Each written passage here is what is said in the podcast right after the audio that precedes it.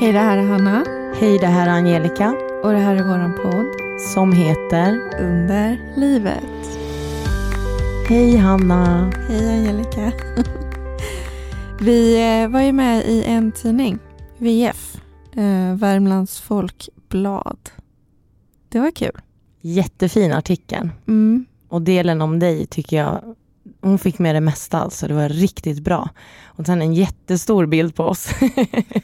Ja, och den är ju från första gången vi sågs. Alltså den, den här bilden är verkligen på, ja men, större än ett A4, eller hur?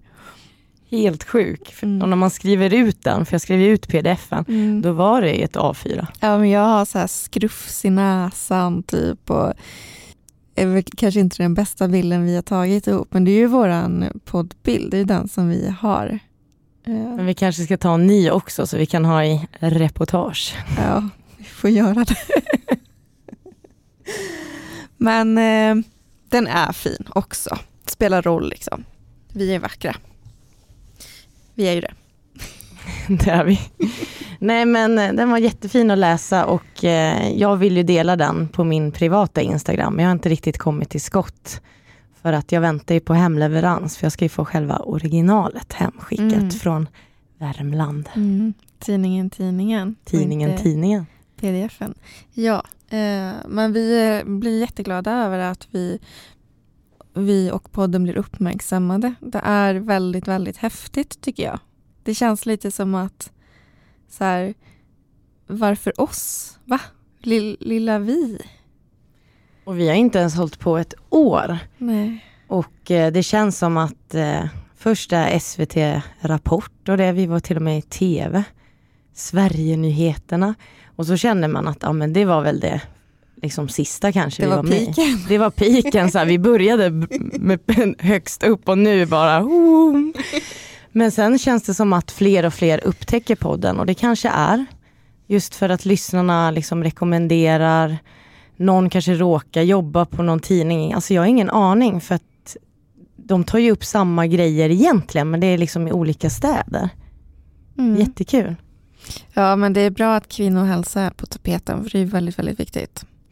Och eh, det var ju en, eh, en reporter från P4 Värmland som hade läst den här eh, artikeln i tidningen som hörde av sig till mig och vill också göra något om det på P4 Värmland så att vi får se eh, vad det blir. Du är så cool. Du ska dit och berätta din historia. Vi är så coola Angelica. Vi är coola men din, det som stod om dig som sagt, det var skitbra och uppmärksamma mer, tacka ja till allt. Mm, det är jätteläskigt att dela med sig men grejen är att jag fick reda på att endometrios existerade genom att jag läste ett reportage om en kvinna som berättade om sin sjukdom och sina erfarenheter om endometrios. Och därför känns det så himla viktigt att göra samma sak tillbaka. För det är jätte, jätteviktigt att prata om sånt som ingen annan pratar om. Och det är inte så många som pratar om eh, gynekologiska besvär och en matrios. Det är faktiskt inte det. Det är ju otroligt många som är drabbade. Det är ju väldigt, väldigt vanligt med en matrios, men ändå så... Ja, det pratas inte om det.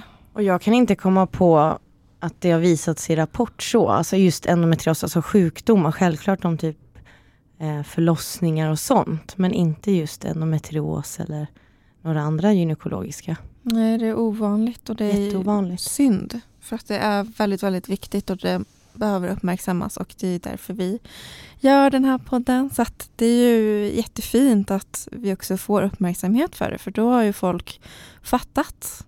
Så det är ju, ja, det är lite ståpäls om något. Och det var ju lite vårt mål att ta fram endometrios och få Mm. folk att förstå. Mm. Och det ska vi fortsätta med. Ja, och det är ju typ varje dag det händer. Mm. Man, va- Jag hade ingen aning om det här fanns. Tack för att du upplyser mig. Liksom. Mm.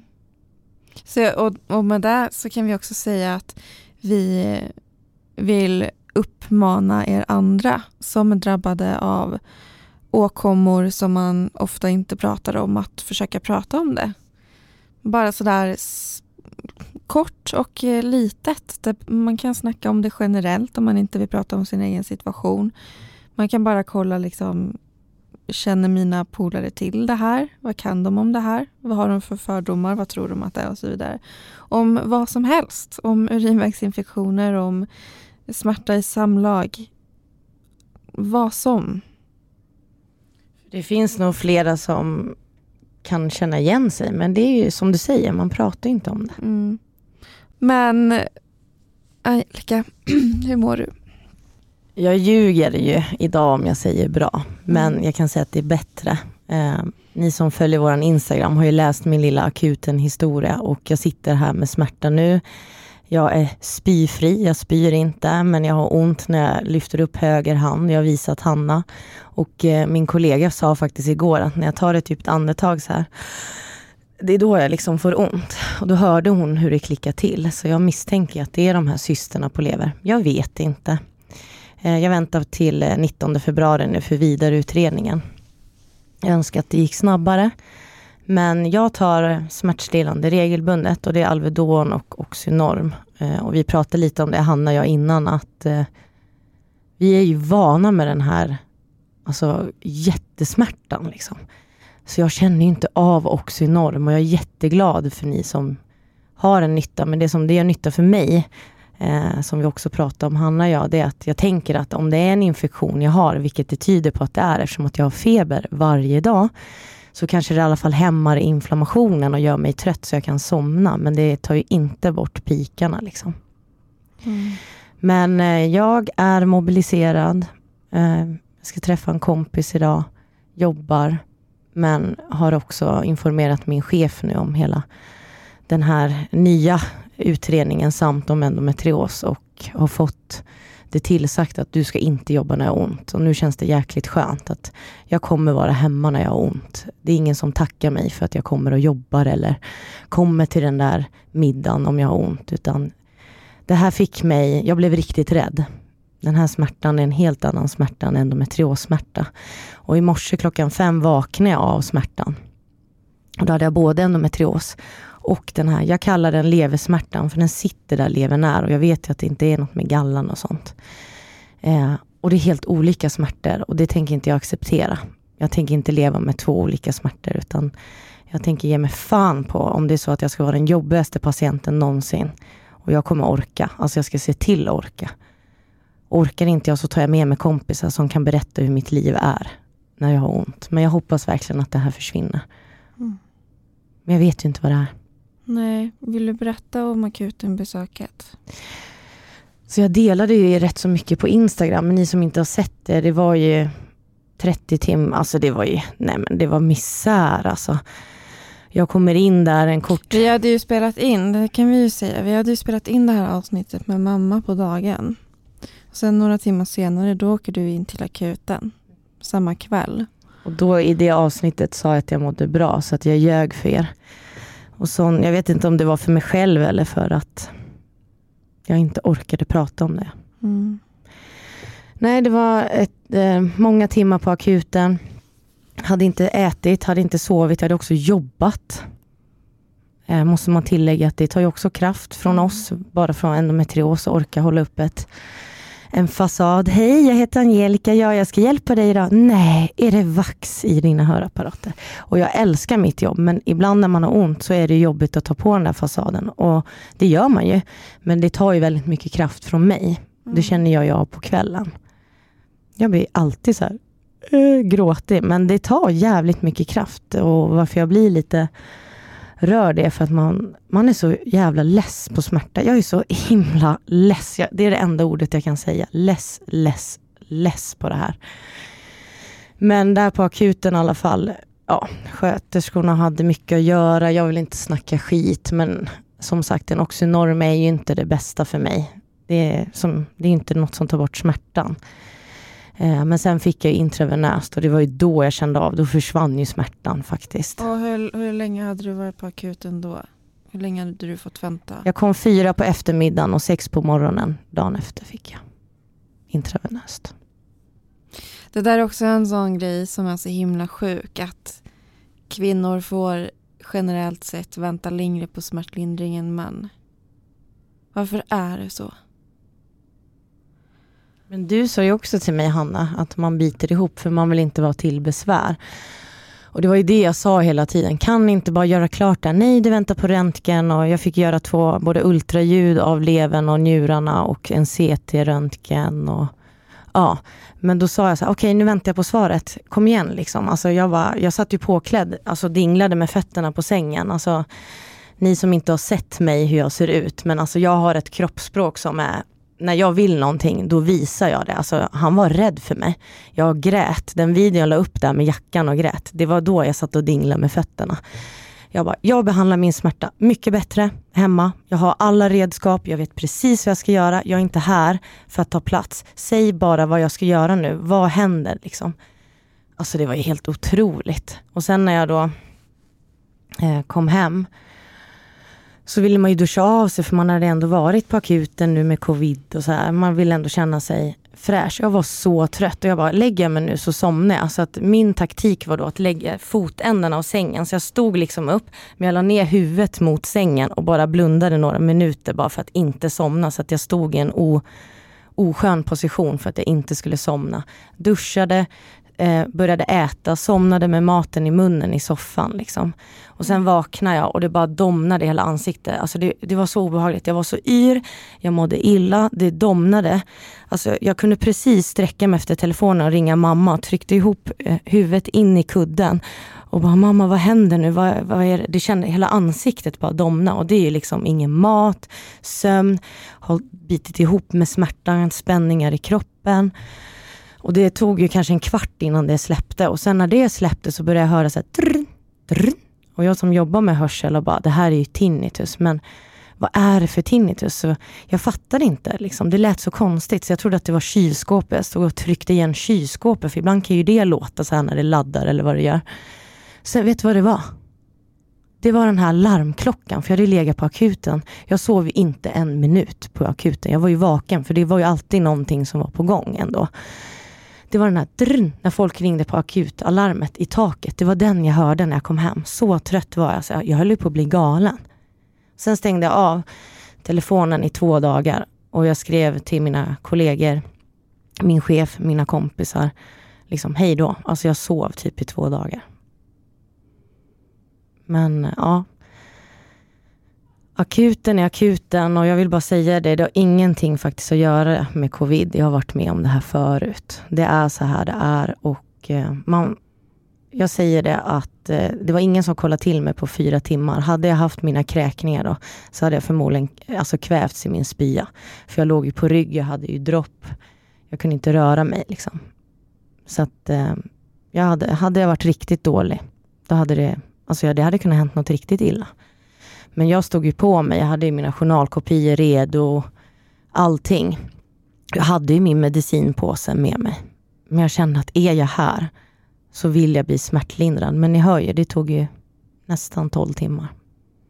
Och hur mycket smärta hade du då? Alltså det var helt sjukt. Och feber måste vi tillägga. Mm. Och när man har feber så det är det ont i varandra. Hur man än rör kroppen, alla vet ju hur man mår med feber.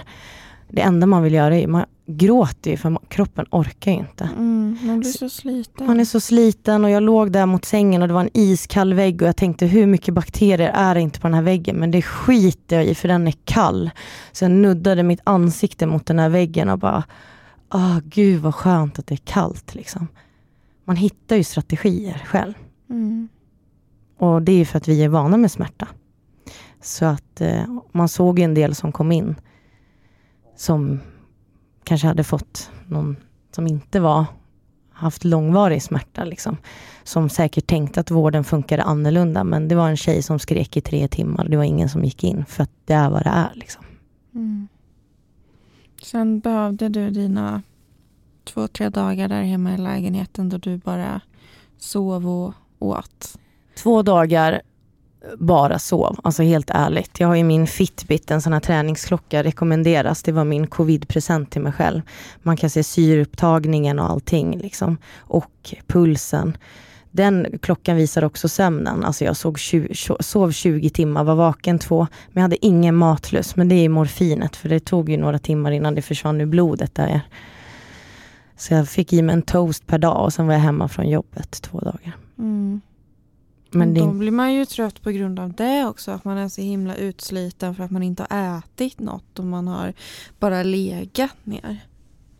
nej, men det var ju mycket skönare att komma hem. Men nu väntar jag på vidareutredning. Men när jag kom hem där så hämtade jag en eh, hink bredvid sängen. För jag visste att jag aldrig skulle hinna till toan. Eh, Jag la in en liten handduk som jag snott på ett spa, sån här minihandduk, in i frysen. Laddade den för att alltså, det- febern var helt otrolig. Liksom. Och så låg jag och till slut kunde man ju somna då när man blev sval. Var du rädd? Du Jag var rädd när det, ensam. jag hade ont. För att eh, då kände jag bara, jag visste, alltså jag bara orkar inte, jag orkar inte mer. Men det där illamåendet och det, det gick ju att hantera, det var ju bara spy. Men just det här smärtan. Och det är sam, likadant med endometriosen när de här attackerna kommer. Alltså man bara vill fly. Alltså det, nu sitter jag och viftar med armarna men man letar liksom utvägar. Hur ska, jag, hur ska jag klara det här? Och samtidigt så börjar man hyperventilera och så vet man att det inte hjälper. Och man bara shit Angelica, ta det lugnt, andas. In genom näsan, ut genom munnen och det hjälper ju. Absolut. Men smärtan, jag var riktigt rädd. Men jag hade ju, den enda jag pratade med det var ju mamma. Hon hade ju full koll och hon hade ju kommit om hon fick. Men jag är ju sån som isolerar mig när jag har sådär ont. Jag blir apatisk, jag kan inte prata, jag vill inte prata. Det är bara överleva. Och så är det. Mm. Men nu har jag ju mer mollande verk. Men jag har ju, fe- alltså febern gör ju mig trött. Jag har inga 39 eller 38 nu, men jag, eller så här, det ligger pikat i 38, men det är inte mycket, men det är fortfarande inte normalt. Och det gör en trött. Mm, såklart. Ja, så att man har väl haft bättre dagar och 2021 tänkte jag, åh fan vad skönt, så här, endometriosen har liksom äntligen blivit stabil sedan 2017. Det händer inte att det ska komma någonting nytt, men jo. Så bättre dagar har man ju haft. Mm. Men det här, du har ju flera läkarbesök framför dig och du ska göra en utredning. Och du vet ju att du har ju cystor där på levern och det är där du har ont. Så antagligen så är det de som tar för mycket plats eller någonting. Ja, det har ju skapat förmodligen som de misstänkte någon inre blödning kanske. Att jag, Mm. Det är det som gör den här febern. Jag vet inte. Vi får se. Vad tänker du själv då? Att man kanske kan operera bort dem? Ja, levern är ju som en limpa. Mm. När man klipper, tar bort en bit så växer det ut igen. Och de här cysterna, den ena är 2,5 och den ena är 0,6. Mm. Sitter de nära varandra? nej. De hittar ju bara en på ultraljudet. Så det Mm. kan ju vara den där lilla som Mm. har spruckit, jag vet inte. Jag är ingen läkare men man börjar nästan undra om man är det eftersom man har så full koll på allting. Ja, vi sa det här innan. Vi kan bli läk- så allmänläkare på erfarenhet. Den här första bedömningen kan vi göra, ja. Mm. Och vi skulle lita på alla.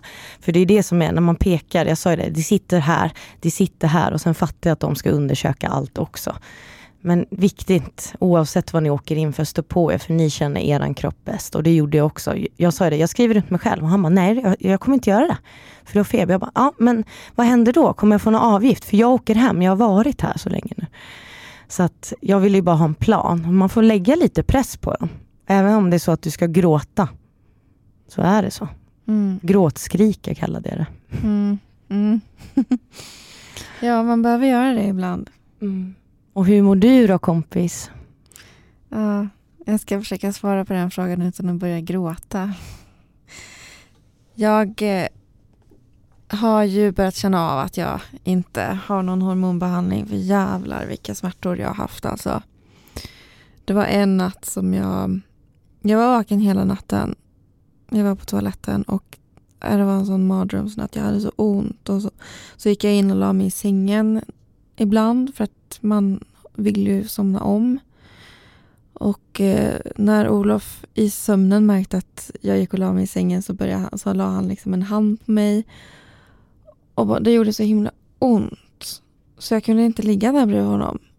Och eh, jag brukar tycka om att bli berörd för att då kan jag fokusera på det istället för att lägga fokus på smärtan så känner man någonting annat. Men nu blev det bara hans hand på mitt ben eller min rygg. Det bara gjorde så himla ont. Hur gick dina tankar när du hade så här ont? Jag blir jätterädd. Jag blir alltid rädd och jag blir alltid ledsen och eh, jag har så svårt för att tänka rationellt. Och det, då, när man har så där ont så känns det som att det aldrig kommer gå över. Um, jag kan verkligen bli deppig när jag har sån där smärta. Och eh, under den här veckan så hade jag också en, en hemtenta. Eh, en av de enklare tentorna. Men eh, jag kunde ändå inte skriva den. För att jag kunde inte sitta där framför datorn. Det gick inte. Jag kunde speciellt inte fokusera. Så då hade jag hört av mig till min läkare Anna-Sofia Melin, en matriosdoktor som vi har haft här ju. För att jag skulle skicka ett läkarintyg. Eh, jag ville att hon skulle skicka ett läkarintyg till mig så att jag kunde skicka det till min universitetslärare. Så hon ringde där på morgonen efter den där mardrömsnatten. Och eh, ja, vi konstaterade väl egentligen inte så mycket mer än att det, det är inga konstigheter egentligen att jag har så här ont eftersom att jag har valt att ta bort mina hormonbehandlingar och det är så jävla korkat egentligen. Uh, och uh, jag uppmuntrar ju ingen att göra det. Men um, ja, jag har mina skäl. Får jag så, fråga en grej? Uh. När var det du slutade? Så jag tänker, från och med du slutade kan man säga hur många veckor det tog tills de här riktiga smärtorna kom? Jag slutade med Enantronsprutorna i november någon gång. Sen eh, så har jag ju också Primolut Nor heter de, det är väl någon slags Approvera hormontablett som också eh, funkar mot endometrios. Så den gick jag på en bit in i december. Jag kände mig inte riktigt redo för att sluta med båda tvärt på samma gång. Och eh, nu är det 23 januari och jag har väl haft såna här smärtor i två veckor. Det kom när vi hade spelat in det sista avsnittet med mamma där. Avsnittet innan där. Så mm, ja, men det här är självvalt liksom. Så, och jag är så jävla dum i huvudet. Nej det är du inte. Alltså vi har ju pratat om det här. Det är mm. du inte.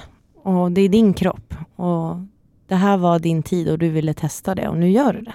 Mm. Men har du blödningar också? Nej, jag har inte det. Så att eh, vi konstaterade väl där när jag var i det här samtalet med min, min läkare att det är väl ägglossning som jag har haft. Så att det händer ändå saker ganska fort vilket jag inte riktigt var beredd på. Jag var beredd på att jag skulle få ont ganska fort för att när jag har varit lite dålig på att ja, men, glömt ta min spruta när jag ska fylla på den som jag har gjort varannan vecka ibland och var fjärde vecka ibland och var tredje vecka ibland. Så om jag väntar några dagar extra så har jag direkt fått ont och blödningar. Men, så att jag var liksom beredd på det. Men jag var inte beredd på att min cykel skulle visa sig så fort. Eh, men det är ju häftigt att få ha ägglossning och eh, känna det. Har du svårt att sova? Ja, det har jag också. Men eh, ja. Jag är så himla trött. Och nu ler jag för att jag är egentligen så himla himla ledsen eh, över att vi ska behöva ha det så här. Att Alltså den här sjukdomen är så jävla jävlig. Och som du sa Angelica, så man så jävla, nu svär jag så mycket, det är inte meningen men jag är så, jag är så trött. Och jag är så trött på att ha ont. Jag är så utmattad. Jag kunde inte sagt, sagt det bättre själv, men utmattad. Alltså, man är så less, alltså nu säger jag det igen, less, less, less, men man är så utmattad, alltså hela kroppen påverkas. Mm man är trött, man orkar inte fixa sig, man orkar inte laga mat, alltså man orkar ingenting. Nej, Nej och jag sitter ju här med pyjamasbyxor typ som jag har haft på mig den senaste veckan och jag har inte kommit ut, jag har inte tagit mig utanför huset och fått frisk luft. Eh, jag har inte träffat någon. Förutom Olof då, vi bor ju tillsammans. Så det är ju jätteskönt att ha honom när han kommer hem från jobbet på kvällarna. Men jag vet inte vad jag ska säga mer för jag är bara så himla så himla himla trött. Men eh, mm. Man är liksom så trött. Som, alltså jag ser ju på dig. Man orkar inte ens gråta för att det känns, det är hemskt. Men man bara, vad hjälper det då? Alltså jag, Mm. jag vet vilket läge du är i precis nu. Man bara, äh, man bara, man bara är. mm, Man orkar inte ens liksom gråta. nej. Man skrattar nog heller bara för att det är så här. Men det är så absurt om man verkligen bara försöker överleva. Det är så sjukt att eh, man kan må så här. Att eh, Jag tror inte att folk förstår hur sjuk man faktiskt kan bli i en matrios. Det är ju smärtan som är det jobbiga. Visst blödningarna och sådär som jag till exempel har haft problem med, men det är smärtan. Den är...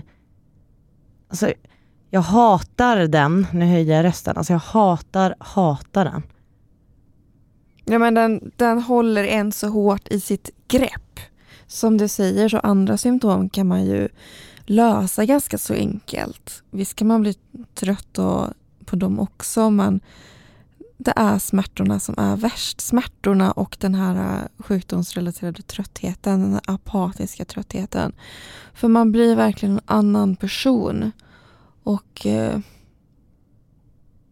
ja, det är idiotiskt att jag slutar med den där sprutorna. Nej men du visste att det skulle komma något sånt här. Ja, Så att eh, nu är vi här de här två veckorna. Nu... Nej, du ville testa det här, nu gör du det. ja. Och det är skönt också att sluta med alla hormoner och det var ju faktiskt så att min behandling har inte funkat så bra på ganska länge så att när jag nu har den här pausen och sen börjar med behandlingarna igen så kanske de funkar bra. Så den här pausen är välbehövlig och det är också häftigt att få se um, hur kroppen också förändras. Att jag um, kan känna av min ägglossning på det där sättet. Det är ju ändå coolt. Och att jag har gått runt och varit så himla kåt.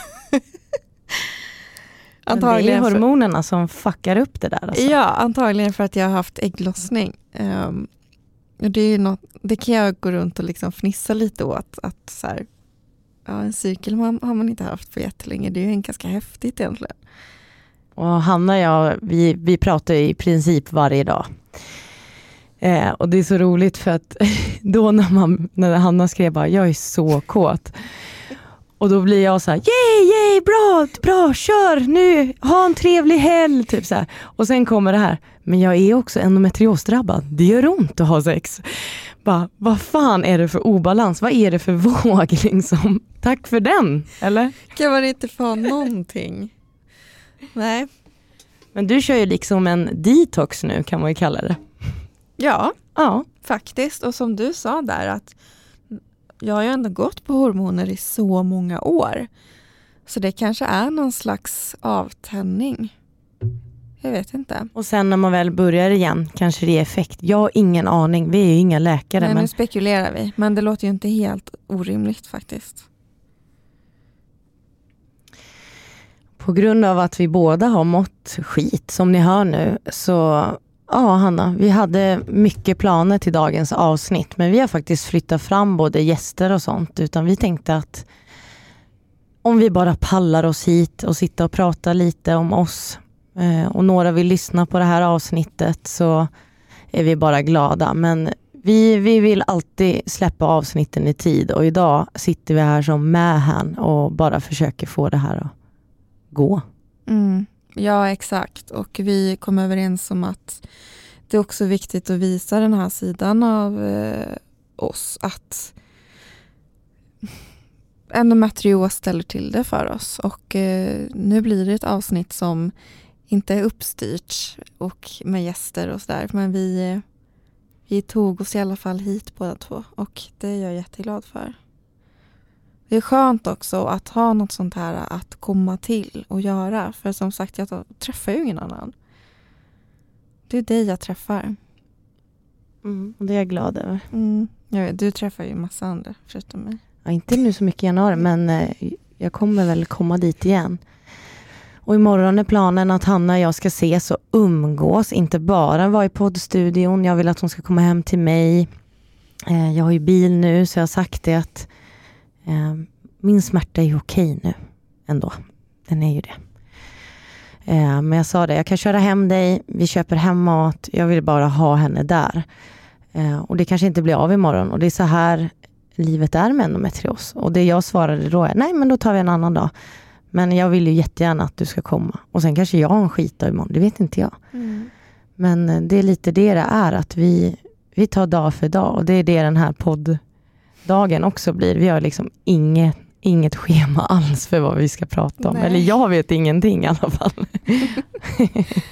för, alltså, jag har ju då, lite dåligt samvete faktiskt för att det är så här nu. För att eh, jag har varit väldigt dålig på att svara dig Angelica när du har hört av dig till mig för att jag har inte orkat så som det var för dig när du kom in från ak akuten där och eh, vi andra blev liksom oroliga för att Eh, du inte var nåbar. Men man förstår ju det.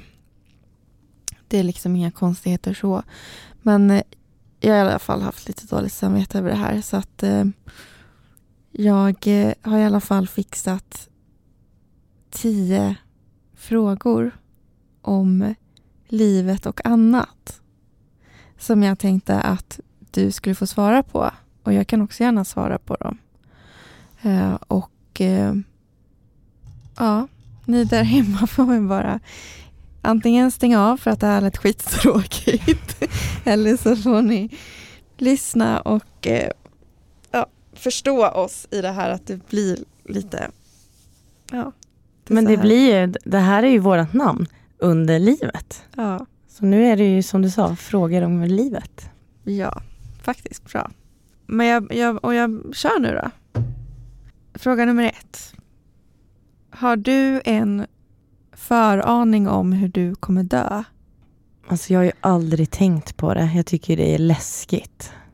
Har du aldrig föreställt dig om olika sätt? Men nej. Alltså det enda jag har tänkt att eftersom att jag redan som ung har varit så sjuk och haft så mycket himla skavanker överallt så tänker jag ju typ jag hoppas inte det bara för man säger det här högt. Man är så här skiträdd att säga det högt för man tror att det kommer hända. Men typ, ja, typ mardröm att bli liksom sängliggande eller liksom vara på sjukhus. Mm. Att det ska vara den sista tiden. Men jag har ingen aning om ålder eller någonting. Jag har inte vågat tänka så. Okej, okay, så du, du tror att du kommer dö i en sjukdom? Ja. Usch! Ja. Vad äcklig fråga. Ja, jag vet. Förlåt. Har du tänkt på det här? Men jag, jag har tänkt så mycket på döden. Jag tror att jag, tror att jag kommer dö i cancer. Jag tror det. För, men jag vet inte varför jag tror det. Eh, det är bara så här, jag blir, jag blir bara drabbad av allting ju. Allt drabbar ju mig, känns det som. Så varför inte det som är så vanligt att drabbas av? Och eh, Men jag tror däremot att jag är ganska seg att ha död på. alltså det är jätteläskigt att prata om det här men jag har ju också en liten teori om att eh, gud, det låter som att jag önskar alla som är friska något ont. Det är inte det jag menar, men eftersom att vi har haft så mycket otur i annat kanske vi blir jättegamla. Mm. Och verkligen liksom tugga på, det är då livet börjar. 90 plus, ja. här kommer vi. Nej men jag tänker så här, så jävla mycket otur kan inte man ha som oss. Det är det vi får kommentarer från våra vänner och lyssnare. Bara, men gud vad ni är otur. Alltså, nu säger jag ni, men de skriver ju om det händer mig eller Hanna något. Så jag tänker att det måste ju vända någon gång. Mm. Lite, lite som de som var snygga på högstadiet. är assnygga nu eller? som inte är snygga nu och det är de som inte var så snygga på högstadiet som har blommat ut.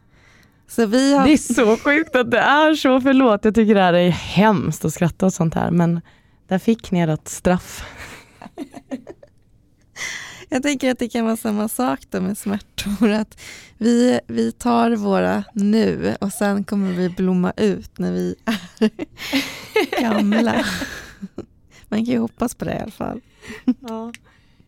I så fall så är det ju värt det. Då tar jag det. Ja. För vi klarar ju av det här ändå. Måste det vara 90 plus? Jag säger 70. 70 är väl ingen ålder? Nej, jag såg en dokumentär om uh, Uno Svenningsson. Ja. Nej, skoja. Ulf Lundell, Ulf Lundell menar jag ja. såklart. Och då sa de, frågade om åldersnoja.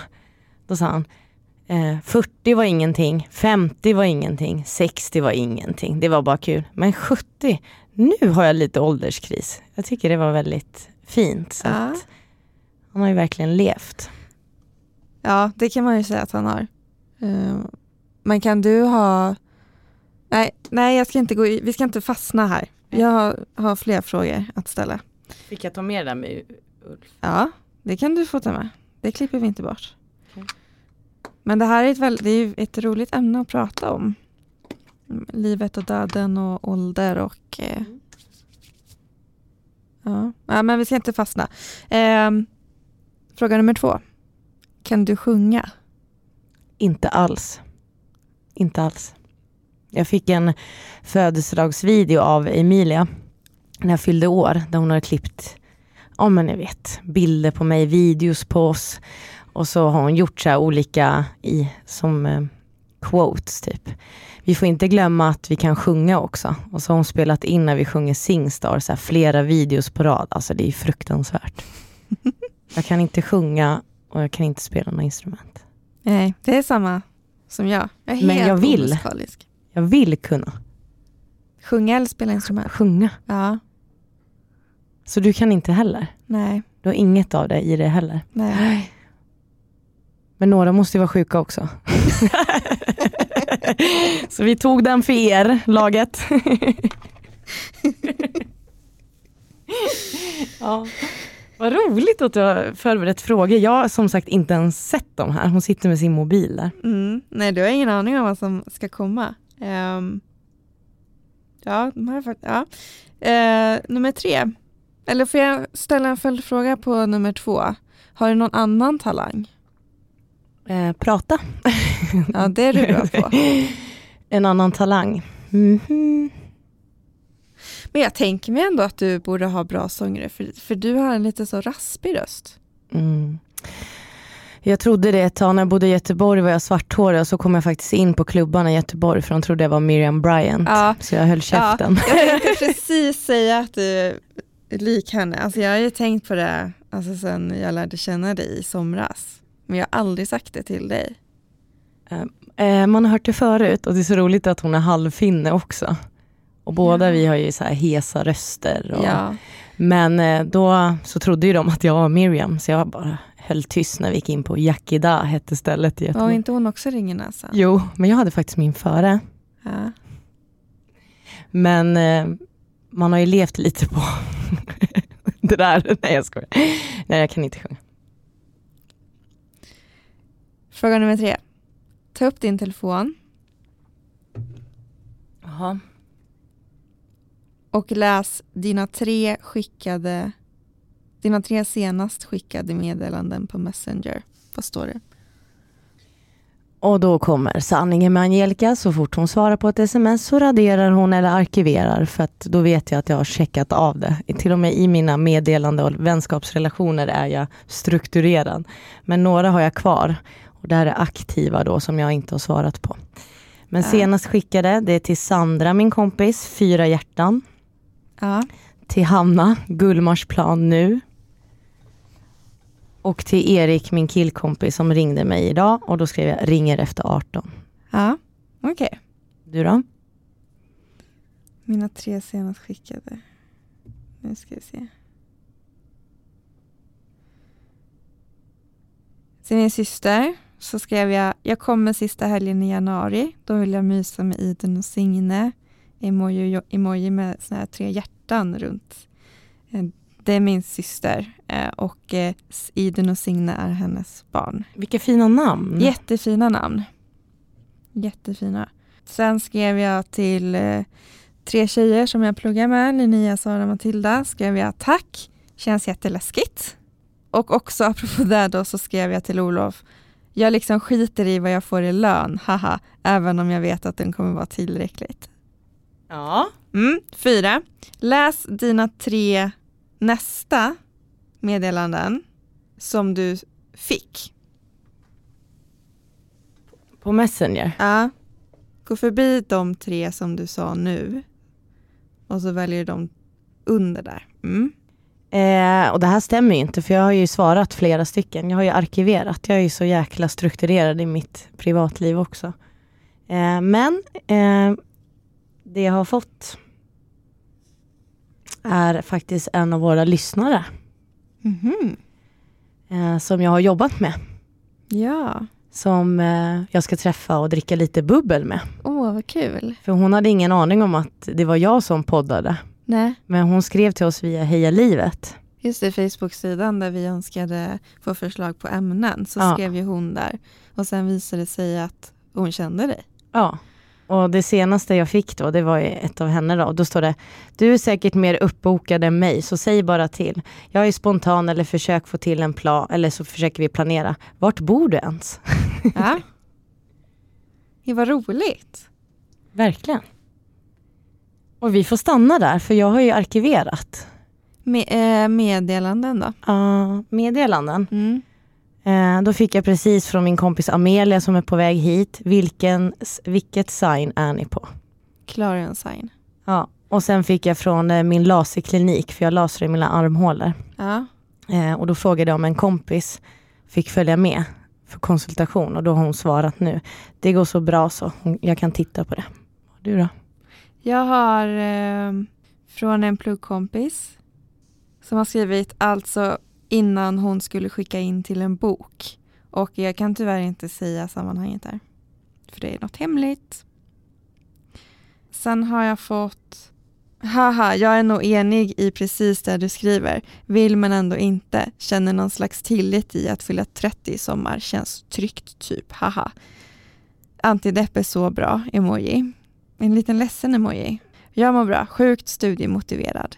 Nojig inför VFU-plats och allmänt i Caps Lock uttråkad. Som alla verkar vara. Har du börjat söka jobb? Frågetecken. Och sen har jag fått ehm, Annars tror jag att vårt konto ska bestå av vanliga endokämpar men att man kan fylla ut vid perioder av expertis. Och det är från Emma angående ett Instagramkonto som heter endometriosen som ni borde följa. Fråga nummer fem. Finns det något du drömt om att göra under en längre tid? Varför har du inte gjort det ännu? Jag skriver en bok, för jag har redan påbörjat. Jag har skrivit på den i hur länge som helst. Vad är det för bok? En roman? Eller Nej, en alltså självbiografi? Ja, lite. Man kan väl inte säga vad det handlar om. Deep shit alltså. Mm. Eh, och finns mycket anledningar till att jag inte har gjort det. Får, jag, får jag gissa att det är en självbiografi? Ja, fast det är inte jag som är huvudrollen. Nej. Men det är en person och eh, den här personen, jag, har, ja, jag kan liksom inte publicera det tänker jag innan. Det har hänt lite grejer med den här personen. Liksom. Jag vågar inte berätta den personens liv, men det är ju så mycket om mitt liv som har påverkats av det. Ja. Eh, men jag har börjat skriva på den från och till. Eh, sen hade jag en eh, kväll i Borås. Jag verkligen kom igång. Oj, oj, oj. Alltså det var sida efter sida efter sida. Eh, två rödvinsflaskor. Jag älskar ju att ha lite så här filmscen. Tända ljus, lite loungemusik, ett glas rödvin, sitta och skriva. Jag tycker det ser så här mysigt ut. Mm. Och då skickade jag till Läckberg på Instagram. och för jag bara, jag behöver råd. Eh, och då svarade hennes kontakt där. Du, kollegan Läckberg, det är du och jag. det var typ den nivån, jag önskar att jag inte hade druckit vinet. Men då skrev jag bara om tips att jag har den här idén. jag vet inte varför jag gjorde det, det går inte att förklara. Alkoholen pratar väl. Men jag fick ett svar därifrån i alla fall att det lät som en jättebra idé att fortsätta men att det är något du tyvärr får göra själv. Att vi kan inte hjälpa dig på förlaget och det var inte det jag hade tänkt heller. Men Du bara Läckberg var spökskrivare. jag vill skriva en bok och någon gång kommer det bli. Gud vad spännande. Det finns ju en grupp som heter Skrivgaris. Är du med där? Nej, men jag är med i massa Garis-grupper som folk bjuder in mig. Inrednings-Garis, hud, Nej, men var med i Skrivgaris för där, den är faktiskt jättebra om man skriver en bok. Den är väldigt inspirerande. Så det är väl någonting jag vill göra. Har Ja. du då? Men varför har du inte gjort det än då? Men det är för att eh, Ja, du behöver gå lite mer i tiden först. jag måste nog gå lite mer i tiden. Så den här är ju pågående hela tiden. Det händer ju något varje år med den här personen. Så att eh, jag vet Hur inte. spännande det låter. Mm. Men det är inte direkt någon rolig historia. Nej, men tänker du att du ska skriva klart och sen skicka in till förlag? Eller tänker du att du kanske ska satsa på att pitcha idén och sen skriva?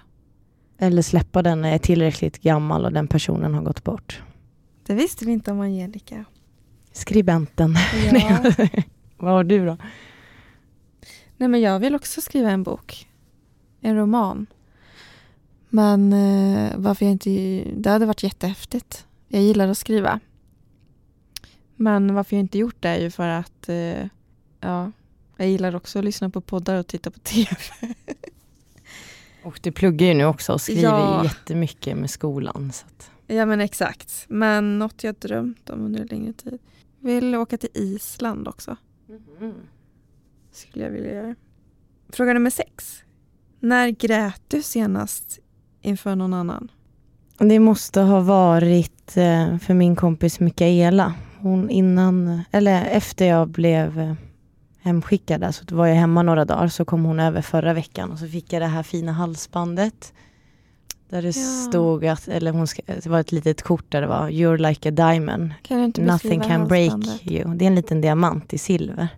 Det är alltså eh, ikonen för en diamant. Ja, precis. Mm. Inte en diamant, diamant, utan ikonen. Och så hade hon skrivit att jag är ingen brevskrivare som du, men såg denna och tänkte på dig. Och då berättade jag om det här med akuten och då grät jag. Så förra onsdagen var det. Framför någon. Av det här utmattade Ja. tröttheten. Liksom. Mm. Det var ju första människan jag träffade egentligen Mm. efter. Du då? Jag fick ju lite tårar i ögonen här förut när jag pratade om smärtan. Men eh, det var nog eh, för några dagar sedan. Förra veckan kanske inför Olof för att jag också av samma anledning bara så jävla utmattad. Det eh, är skönt att gråta faktiskt. Nummer sju. Ditt hus börjar brinna med alla dina tillhörigheter i. Ja, vart skulle ju annars tillhörigheterna vara, tänker jag nu i och för sig. Ditt hus börjar brinna. Efter att ha räddat dina nära och kära och husdjur har du tid att rädda en sak till. Vad skulle det vara? Det är ju ett husdjur, men jag har ju pussen, min älskade hund, är en urna hemma hos mig. Är det sant? Så då hade jag hämtat urnan. Vart står urnan? bredvid sängen i en hylla. Och så har han sitt koppel, där halsbandet kvar där på. Och sen har jag och min guddotter, hon älskade honom precis lika mycket som jag. Mm. Eh, och som man gjorde i träslöjden om ni kommer ihåg när man brände med sån här brännpenna. Ja, det var ju jättekul. Det har jag lovat att hon och jag ska göra. Hon ska göra urnan fin, så nu är den bara vanlig trä. Men den hade jag räddat, för han vill jag ha med mig oavsett. Resten kan jag skita i. När dog han då? Eh, två dagar innan jag skulle opereras för endometrios. Mm. Det var ju den hemskaste året 2019, januari. Mm. 14 januari 2019. Så jag hade räddat Mm. pussen. Mm. Allt annat kommer Ja. tillbaka. Vad var det för ras? En toypudel, den minsta pudelsorten. Åh, vit, Svart. svart. Åh. Så han ska vara med mig. Så du är en hundperson? Ja, Mm. helt klart. Mm. Försöker lära mig katter via Sandra och Emilia, mina kompisar som har, men det är helt andra djur alltså. De är, det är som Ja, lejon typ. De är alltså sjukt starka djur. Typ. Alltså det är en hund också, men de går ju att gosa med på ett helt annat sätt. Vad skulle du rädda då? Om du brann? Det här är en jätteenkel fråga för mig att svara på. Jag har skrivit dagbok sedan jag var liten, så alla mina dagböcker skulle jag rädda och mina eh, fotoalbum och sånt där. Sånt är väldigt viktigt för mig. Jag kan bli väldigt sentimental över eh, gången tid. Så att eh, foton och anteckningar och brev och det skulle jag ta med. Jag ser ju mitt, eh, min lägenhet som den är och jag skulle inte hinna rädda för de ligger under sängen i en låda.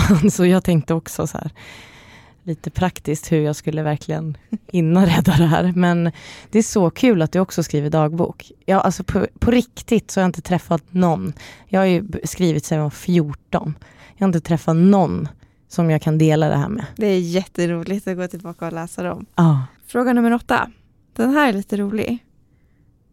Har du varit med en kändis? Nej, det har jag inte. Aldrig hånglat, pussat, gått på en dejt med, flörtat med någon kändis i någon bar, Alltså jag är ju... matchat med någon kändis på Tinder? Jo men det har jag ju. På Tinder har jag ju, men det har inte, vi har inte setts. Det enda var på en fest hemma hos min kompis Emily. Då var han Jesper Salén där som var med i Strandvaskaren. Jag blev bara lite för full. så att det, men vi satt och pratade hela kvällen i alla fall. Oh. Så det är ingen kändis, men det är väl det närmsta som man kände att här var jag ändå nära. Ja. Du då? Du som har varit med Olof i alla, alla år känns det som. ja, precis. Ja, vi har varit tillsammans eh, sen vi var 18. Så att eh, jag har ju inte hunnit. Däremot så har jag ju genom tiden haft vänner som har haft sådana historier. Någon var på fest i LA med, eh, vad heter han? Men gud, Leo? Nej. Jo.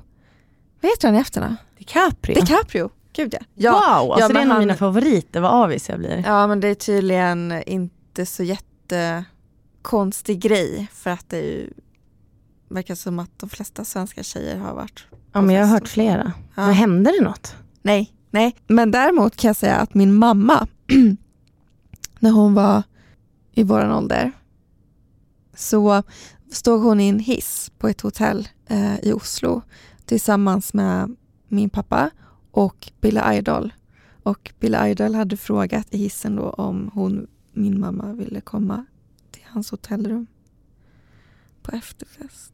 Våra mam- min mamma har också lyckats bättre än vad jag har. Det kanske var enklare förr. Eh, Våra mammor var skitheta. Ja, det också. Billy Idol är fett coolt. Ja, din mamma och Billy Idol. Nej, Zlatan. Zlatan? på Va? efterfest. Hon var på efterfest med Zlatan och Thomas Brolin. Inbjuden av vem? Av Zlatan själv. Men vänta, det, Det var precis innan han blev känd i Malmö FF. Mamma har berättat det här för alla mina kompisar. Alla som känner mig vet att min mamma berättar det här, men det är ändå fett coolt. var han lite sugen på mamma? Ja, de, det var ju två tjejer och två killar och Zlatan var ju... Var det en dejt? Nej, de hade ju träffats ute. Men det hände ju ingenting. Har, Okej. Eh, men de hade festat där och sen skulle mamma åka hem. Och då hade han följt med henne i taxin och så hade han sagt kör hem den här tjejen och då hade taxichauffören gått bananas. Sen började han dyka upp överallt och hon bara nämen, det är ju han. Men hon berättade mycket roligare och jag hoppade över lite detaljer. Våra föräldrar har verkligen, de lyckades. Det var ju hundra år sedan. Nej men, Vilken bragd. Något egentligen. nej men det här var ju hundra år sedan. Men det är lite kul. Det är lite kul. Mm. Fråga nio. Din absolut sämsta egenskap? Jag är för pedant.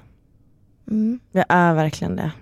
Och eh, nu när jag har varit singel i tre år så bara kommer det mer och mer grejer. Det har varit skönt för jag har alltid haft långa förhållanden och bott ihop med tre av de fyra. Liksom. Och då lär man sig att det inte är så farligt. Men nu när man är själv så, nej men alltså jag kan ju gå upp. Alltså, ja, jag har ju en historia. Jag hade en dejt hemma hos mig i maj. Och jag hade precis dammsugit och jag hade blonderat håret så jag fällde jättemycket hår. Så när jag drog hår så här från tofsen så la jag det på soffkanten och han bara, vad gör du? Han bara, alltså du är så pedant. Du sparar det där för att du ska gå och slänga det. Släng det på marken. Så tog han det bara så här och slängde det på marken. Och så jag bara, mm, men nu ska jag låta det vara. Så gick han på toa och så tog jag ficklampan och letade efter de här hårstråna för jag skulle slänga dem. Alltså det är helt sjukt. Man har sina små grejer som man gör. Men när jag har ont så skiter jag i allt verkligen. Ja. Men eh, just så här när man är i vardagen, då är jag lite för pedant. Det är löjligt. Men tycker du också då att andra människor ska göra så som du gör? Nej, det har inte jag. Jag krävde det i början med mina ex. Men sen insåg jag att det är bättre att vi delar upp hushållet så får jag gå och leta stenar på golvet med ficklampa. Liksom. Det låter som OCD. Ja, det är det. Helt klart. Sista frågan då. Din bästa egenskap? Jag tycker jag är väldigt bra på att hålla kontakt med mina vänner och få dem att känna sig ihågkomna. Mm. Det kan gå ett halvår ibland, men jag, om det är så att jag skickar brev eller ringer överraskande, så jag, jag är jättebra på att hålla kontakt med mina vänner. Det ser man ju också väldigt mycket på ditt Instagram, att du umgås väldigt mycket med människor. Du eh, tar verkligen vara på de vänskaperna du har och du har också väldigt många vänner som verkar vara väldigt nära. Jag har ju det och jag vet inte vad det beror på. Kanske är att jag är öppen, men det var ju också det vi pratade om i ett avsnitt, att det är lätt ett missförstånd med mig också. Jag släpper inte in alla. Men eh, bara för man har en stor bekantskapskrets som jag har, så behöver jag har inte berätta allt för alla. Liksom. Mm. Men min kompis sa det. Om du gifter dig, då har vi ett jävla problem. Jag bara, vadå? Vi får ju hyra hela Berns. Jag bara, nej sluta. Hon bara, jo. Alltså vi måste ju verkligen, det här blir ett projekt. Liksom att hitta alla tjejerna som ska komma till din möhippa. Vad är din bästa och sämsta? Eh, min sämsta egenskap jag är också väldigt pedant. Jo, men jag är väldigt bra på att eh, komma sent. Gud vad vi är lika. Jag är tidsoptimist jag också. Ja. Det är inte charmigt alltså. Nej, det är pinsamt. Det är inte charmigt. Ja, det är ju det. Det blir ju det också om man är sen gång på gång på gång. Det är pinsamt, ja. Jag kan säkert komma på många fler sämsta egenskaper, men man ska inte vara så hård mot sig själv kanske. Men det, Bästa då? Ehm, nej men får jag bara säga här. Eh, Det är så här, blir taggad i inlägg, så här, jag är på väg och så är det någon som står i duschen och det är typ jag. Alltså. Mm. Jag kan säga att du delar den med Olof. Alltså herregud vad han är sen. Det kan vara så att han ja, men skriver till mig nu, nu drar jag från kontoret och så kommer han hem tre timmar senare Och den är ju sjuk. för att han bara tänkte att han skulle dra från kontoret men sen så dök det upp någonting så stannade han kvar och så nu är det några som vill komma in här. Det är min kompis. Jaha, är din kompis? Mm. Ja, vad kul. Ska du inte, ska du inte öppna åt henne då?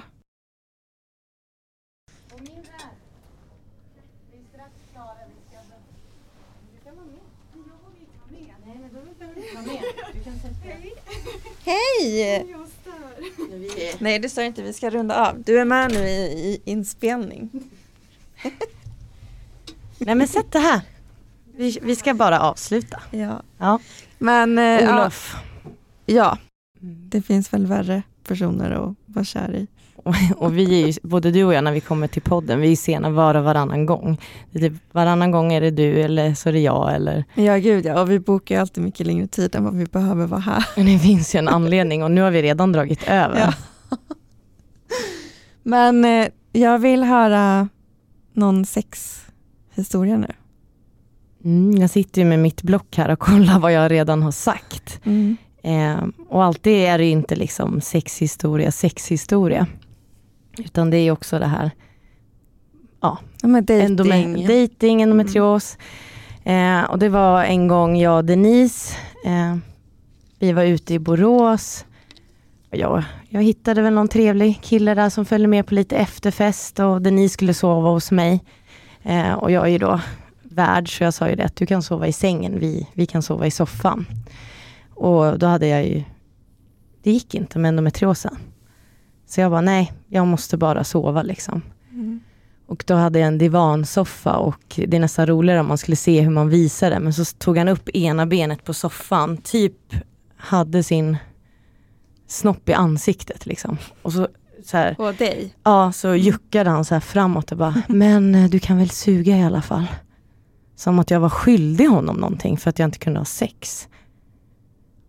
Det enda jag bara, nej du kan gå hem nu. Och då vände jag mig bara om, så väntade jag bara liksom tills han skulle gå. Men jag tror inte han fattade att jag verkligen ville att han skulle gå. Och sen på morgonen sa Denise, hon hade ju hört allting. Hon bara, alltså killar alltså, vad är det för fel på dem? Jag tror att det är jättevanligt att... ja, eh, absolut. Men det är hemskt. Som att eh, man har skyldigheter mot varandra. Bara för att man då har lurat, varit som de norskarna säger, en luremus. Ja, exakt. Man känner sig som en luremus. Men eh, skitsamma om man är en luremus. Det var ju trevligt, det var ju därför jag tog hem honom på efterfest. Mm. Man behöver inte förvänta sig alltid sex. Nej, eller kan, man kan ju förvänta sig, man behöver inte bli sur. Nej, man behöver inte bli sur. Nej, där sa du det bra. Han hoppades väl, men det var ju så kul att Denise hade ju hört allt det här. Ja. Och hört min reaktion. Hon, hon vet ju hur jag ser ut när jag håller på och argumenterar. Jag bara gjorde statement och bara vände mig om och vägrade vända mig om och titta på honom tills han gick. Och då gick jag upp och låste och så gick jag in till Denise och la mig där istället. ja, men det är bra. Alltså, för jag tänker att det är också säkert många som inte skulle reagera så och kanske säga okej, visst, jag gör det. Inte en endometriossjuk, då jävlar säger man stopp. Mm. Det är faktiskt viktigt. Jätteviktigt alltså. Shit gör ingenting emot Annars viljan. Kan, nej, det kan bli trauma som fastnar i kroppen på olika sätt. Och det här visade ju bara väldigt mycket vem det var. Och eftersom Mm. att jag ofta får samlagssmärtor Mm. efter. Ska jag gå då i en vecka för den här killens skull? Aldrig. Har du någon Mm. mer? Ja, jag tog två. Eh, en var en jättetrevlig kille som jag dejtade ett tag, men första gången vi hade sex så kändes det bra, för att han visste om endometrios. Det här var egentligen en fin historia. Det roliga är det här äckliga smset som egentligen skulle vara gulligt som kom efter vi hade haft sex. Och då var Åh, tack för en fantastisk kväll och eh, sexet var jättebra och det där med blod som du var orolig för. Jag vill bara säga att det var nästan med att jag tände mer på dig så att det var inget äckligt. och han försökte säkert liksom neutralisera det men det vart ju inte ett bra meddelande. Nej. Att det, det där behöver det som att jag inte skulle oroa mig, att han tyckte ändå det var nice. Att det var ju nästan pricket över i då eller? Nej men jag vet inte. Eller så tyckte han det var jätteäckligt men ville visa att han, ja, jag, jag kan inte tolka det, men han skrev det så äckligt bara. Ja. Så han det, hade inte behövt säga något överhuvudtaget. han hade inte behövt säga någonting. Bara vara cool med det istället. Du behöver liksom inte kommentera att du är cool med det. Var Nej. bara cool med det. Tur att han inte tog en emoji bloddropp eller något, Ja. då hade det ju varit ännu mer. Eller vampyren. Vampyren, nej. Men eh, det var dagens två. Ja. ja, de tackar vi för. Det här får bli ett ehm, stående inslag tycker jag. Ja, jag måste ju börja dejta här nu igen. Ja, ja. jag har Gör faktiskt det börjat podden. det. Du har förra det? veckan. Ja. Ja. Men jag har inte träffat någon än. det, kommer, Men jag har det börjat. kommer sen. Ni får höra allt i podden. Ja. Mm. Tack för att ni lyssnar på den här babbelpodden. Frågan ja, efter dagens avsnitt blir, vad är röda tråden? Jag skojar. Jag skojar. Finns ingen idag. Nej, Det är bara babbel. men jag känner mig ändå, alltså jag mår ändå lite bättre nu. Alltså det är bättre energi på oss nu än när vi kom hit. Vi är ändå lite, lite piggare känns det som. Så nu ska jag gå hem och fortsätta skriva på min tenta på den här energin. Gör det. Och jag Mm. min kompis Amelia sitter här så vi ska gå ut och äta. Gud vad mysigt. Och jag känner igen Amelia från vårt eh, livepodd som vi hade. Vi Mm. snackade ju då. Ja. Och vi är fixade idag Amelia och jag. Vi ska Mm. vara fina och gå ut är och äta. jättefina. Ja. Följ mig på Instagram. Hanna Orensson heter jag. Mig, Angelica Hackala. Och Under livet podd. Mm. Så hörs vi. Ja, tack för att ni lyssnade.